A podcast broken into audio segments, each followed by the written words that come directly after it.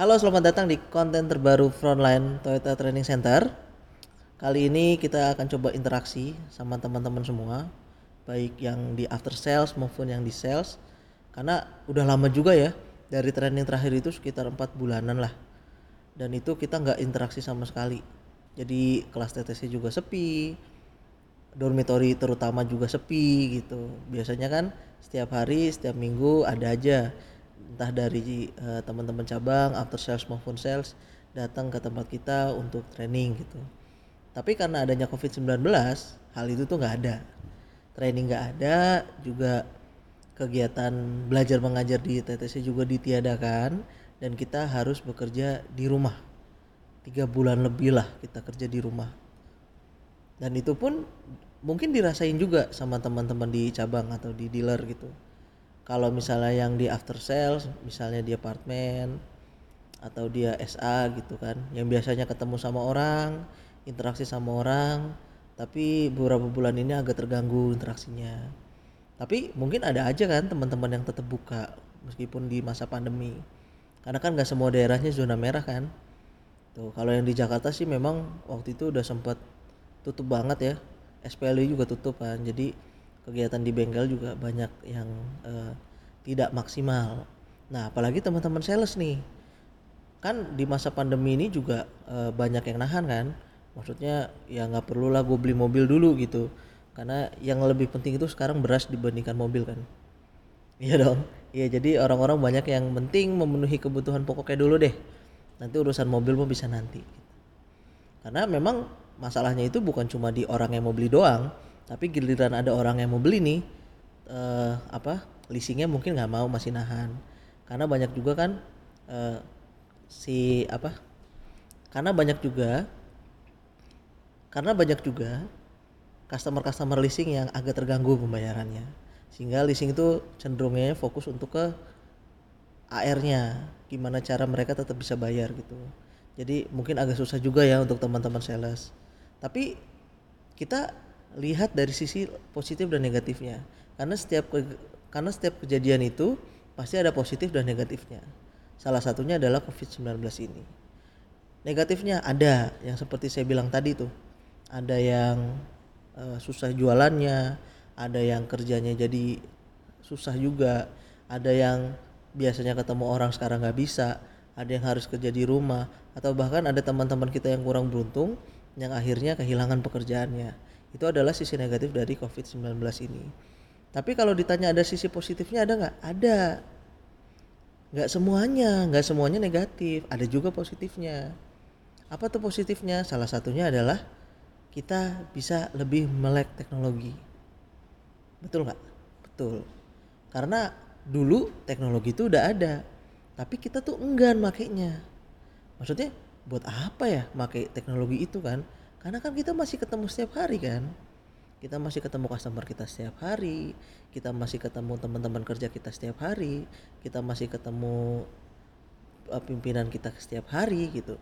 Jadi kalau ada perlu apa-apa ya datang ke kantor datang ke bengkel datang ke showroom karena memang itu adalah tempat kerja kita. Nah ketika PSBB dijalankan ketika interaksi sosial dibatasin kita kan jadi nggak punya banyak waktu karena nggak punya waktu mungkin untuk ketemu sama orang-orang yang ada di sekitar kita. Karena takut kan menjadi penyebar virus COVID-19 nah di situlah teknologi kita mulai kenal. Kita mulai pakai Zoom kita mulai pakai Skype ya. Kita mulai pakai Google Form. Ada tuh beberapa teman saya absen udah mulai pakai Google Form. Yang se yang sebelumnya itu absennya harus offline ke mesin absen ya sekarang enggak. Bisa lewat Google Form. Atau misalnya yang semula harus tatap muka ternyata kita bisa nih lewat Zoom ya. Interaksinya bisa meeting lewat Zoom bisa ngobrol lewat Zoom bisa koordinasi lewat Zoom bisa. Nah itu menurut menurut gua adalah salah satu keuntungan dari COVID-19 ya mungkin memang keuntungannya nggak lebih banyak dari kerugiannya tapi tetap selalu ada nilai positif. Selalu ada nilai positif di balik sebuah kejadian gitu. Karena habis hujan biasanya akan timbul pelangi gitu. Jadi setiap kejadian yang buruk insya Allah ada bagusnya ada baiknya di depannya. Tapi nggak jarang juga habis hujan bukan timbul pelangi timbul banjir. Artinya masalah yang kita hadapin ada negatifnya tapi kalau penanganan yang nggak baik apa yang kita lakukan selama sebelum hujan itu nggak baik? Kita buang sampah sembarangan got bampet nggak kita bersihkan akhirnya jadi apa? Jadi banjir. Sama aja kayak masalah ini. Ini baratnya kita akan kembalikan lagi ke masa sebelum covid. Masa sebelum covid kita ngapain aja? Kalau misalnya kita buat salesman nih misalnya. Kalau misalnya sebelum covid nih sebelum covid kita rajin follow upnya. Terus juga sebelum covid kita rajin nih jualan onlinenya. Kita promosi di sosial media kita kita punya YouTube kita punya Instagram kita jualan lewat web. Ya terus juga kita memang sudah terbiasa untuk bisa mendapatkan customer tanpa tatap muka. Itu kan yang kita lakukan sebelum covid kan. Nah ketika covid datang kita nggak kaget ya itu ibaratnya tadi setelah hujan kita nggak banjir. Karena sebelum hujan kita udah siapin. Gotnya kita bersihin kita nggak buang sampah sembarangan jalur air kita udah siapin. Begitu hujan dateng nggak banjir. Lancar akhirnya keluarnya. Sama aja kayak covid ini nih. Kita udah biasa sosial media jualan. Kita udah biasa jualan web begitu psbb jebret kita nggak bingung. Karena kita udah biasa bagaimana cara ngambil prospek dari sosial media. Nah, kalau yang biasanya habis hujan terus banjir, itu karena ya mungkin selama hidupnya, selama yang sudah dia lakukan itu dia nggak disiapin, dia masih nggak ada yang salah ya, tapi uh, dia masih mengandalkan canvassing. Oke, memang itu memang adalah salah satu cara prospecting dia yang paling efektif. Terus juga dia datang door to door, pameran segala macam. Tapi akhirnya ketika banjir itu datang, ketika hujan itu datang, kita nggak siap nih. Aliran air kita mampet, got kita mampet, sampah kita belum dibersihin, selokan kita banyak sampahnya. Akhirnya apa? Banjir. Musibah yang kita alamin. Tuh, nggak ada yang salah, nggak ada yang benar. Sama, semuanya juga ada plus dan minusnya. Makanya di tengah pandemi Covid ini kita jadi melek satu hal. Ternyata memang kita udah saatnya masuk ke era digital. Kita udah saatnya manfaatin sosial media kita. Kita udah saatnya nih buka YouTube buka Instagram buka Facebook. Bukan cuma buat senang-senang doang tapi juga bisa untuk meningkatkan prospek kita. Itu. Nah ini jadi penting. Kenapa? Karena kalau pas di masa pandemi ini ketika misalnya dibilang kayak sekarang udah era new normal Artinya kita juga udah mulai kerja seperti biasa dengan menaati protokol-protokol kesehatan yang ditentukan oleh pemerintah. Nah, faktanya sekarang kita banyak yang parnoan. Kita kalau misalnya keluar makan itu kalau nggak cuci tangan takut. Kenapa nih takut nih? Takut ada virus corona menempel pada tanganku. Akhirnya dia jadi terbiasa untuk cuci tangan. Cuci tangan ini dia.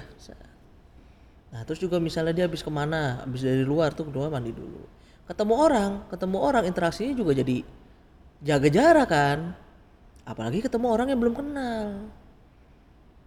Nah ketika nanti masa new normal sudah jalan, teman-teman yang mau interaksi lagi ke customernya, susah apa gampang? Nggak segampang biasanya. Sekarang begitu didekatin sama orang, dia akan nolak dulu. Ini orang habis dari mana nih? Ini sales apa ini? Gitu kan. Sales panci bukan gitu. Sales mobil kok bajunya begini gitu. Apalagi kalau misalnya penampilan kita tidak mendukung pasti customer juga akan bertanya gue dapat mobil dapat diskon bagus enggak? Virus iya. Makanya kita juga nantinya akan kesusahan kalau memang kita tetap mengandalkan offline. Gak ada yang salah enggak ada. Tetap benar-benar. Emang itu ada dua cara offline dan online itu pilihan. Tapi kan di saat-saat masa-masa kayak gini kan ada hal-hal yang kita nggak bisa gunain. Sama aja yang online bagus dong berarti belum tentu. Kalau misalnya dia ada di daerah ngandelin online siapa yang mau baca? Siapa yang nonton YouTube ya di tengah gunung nonton YouTube. Susah mas. Nggak ada. Di situ lebih gampang nyari pisang dibanding nyari sinyal. Ya kalau kita ngandelin sosial media itu eh, petani-petani pisang ya susah. Tetap offline yang terbaik. Makanya semua itu tergantung dari wilayahnya. Tapi dua-duanya itu adalah pilihan. Teman-teman bisa pilih. Offline bisa online bisa. Ya kan yang salah itu kalau misalnya lagi disuruh canvassing bilangnya online. Tapi online nggak dijalanin karena malas canvassing. Ujung-ujungnya dari hari pertama sampai hari 20 sampai tanggal 20 santai. 20 sampai tanggal 30 baru kerja. Ada ada. Namanya the power of kepepet tuh kan. Udah tinggal 10 hari gas. Dapat ya syukur enggak ya udah gitu. Udah tutup mata tutup kuping aja kan ntar kalau misalnya diomongin sama ini kan sama supervisornya atau sama kacapnya. Nah itu covid. Ada manfaat ada kekurangannya. Nah untuk itu kita sih ada rencana nih dari tim frontline untuk lebih mengeratkan lagi silaturahmi di antara kita gitu. Kita pengen e, nanti ada suatu waktu kita akan live. Atau misalnya kita bikin podcast kayak gini e, untuk untuk saling ngobrol sama sesama trainer ya. Mungkin ada yang pengen lebih kenal dengan Pak Denny gitu atau misalnya ada yang lebih mau lebih kenal sama Pak Maman atau misalnya mau lebih kenal dengan Pak siapa Pak Jokowi gitu. Ya biar kenapa kan presiden kita? Atau misalnya sama Pak siapa sih uh, Menteri BUMN kita? Lupa gua ya gitulah ya. Misalnya mau lebih kenal dengan trainer-trainer TTC dan juga nanti kita juga akan ngajak interaksi nih sama teman-teman kita dari cabang yang mau cerita mau sharing gitu mau itu after sales sales terus SPV kacap cabang bebas ya. Dan kita nggak cuma ngomongin kerjaan aja santai aja ngobrolnya kayak kayak gua ngobrol kayak gini nih. Jadi nggak usah ada batas di antara kita jadi biar nantinya grup ini grup yang ada di frontline yang di Instagram tetap bisa bersilaturahmi satu sama lain. Jadi nggak cuma ngepost ngepost foto doang sama video. Kita juga bisa saling membagi kebaikan. Siapa tahu kan kebaikan yang kita udah lakukan kebaikan yang kita kita sebarkan ke orang itu berguna tuh untuk orang-orang yang mendengarkan. Untuk sesama teman-teman kita di cabang masing-masing. Nah untuk itu kami akan mengundang dan nantinya teman-teman silahkan bagi yang mau aja. Kalau nggak mau ya nggak usah. Kalau emang nggak bisa dibisain. Kalau emang nggak mampu dimampuin gitu. Tapi kalau nggak mau nggak apa-apa. Ya pokoknya harus bisa gitu kan. Ya nanti kita ngobrol bareng kita undang teman-teman untuk kita bisa ngobrol bareng. Soal kerjaan boleh soal uh, success story boleh soal bagaimana cara lu bekerja boleh. Terus misalnya mau pengalaman apa asal jangan ngomongin bosnya itu nggak apa-apa. Silakan nanti akan kita undang. Teman-teman silakan nih nanti ramein dulu podcast ramein dulu podcastnya. Saya akan post di gua akan post di Instagram. Teman-teman silakan komen ya kalau misalnya ada yang pengen join DM aja. Nanti DM kita ngobrol-ngobrol bareng. Kita akan undang. Jadi teman-teman siap-siap di gak usah gak usah jauh-jauh datang ke situ. Kita gunain sosial media. Eh sorry kita gunain digital media. Nanti teman-teman akan kita invite ngobrol suka-suka. Oke? Sampai jumpa. Dah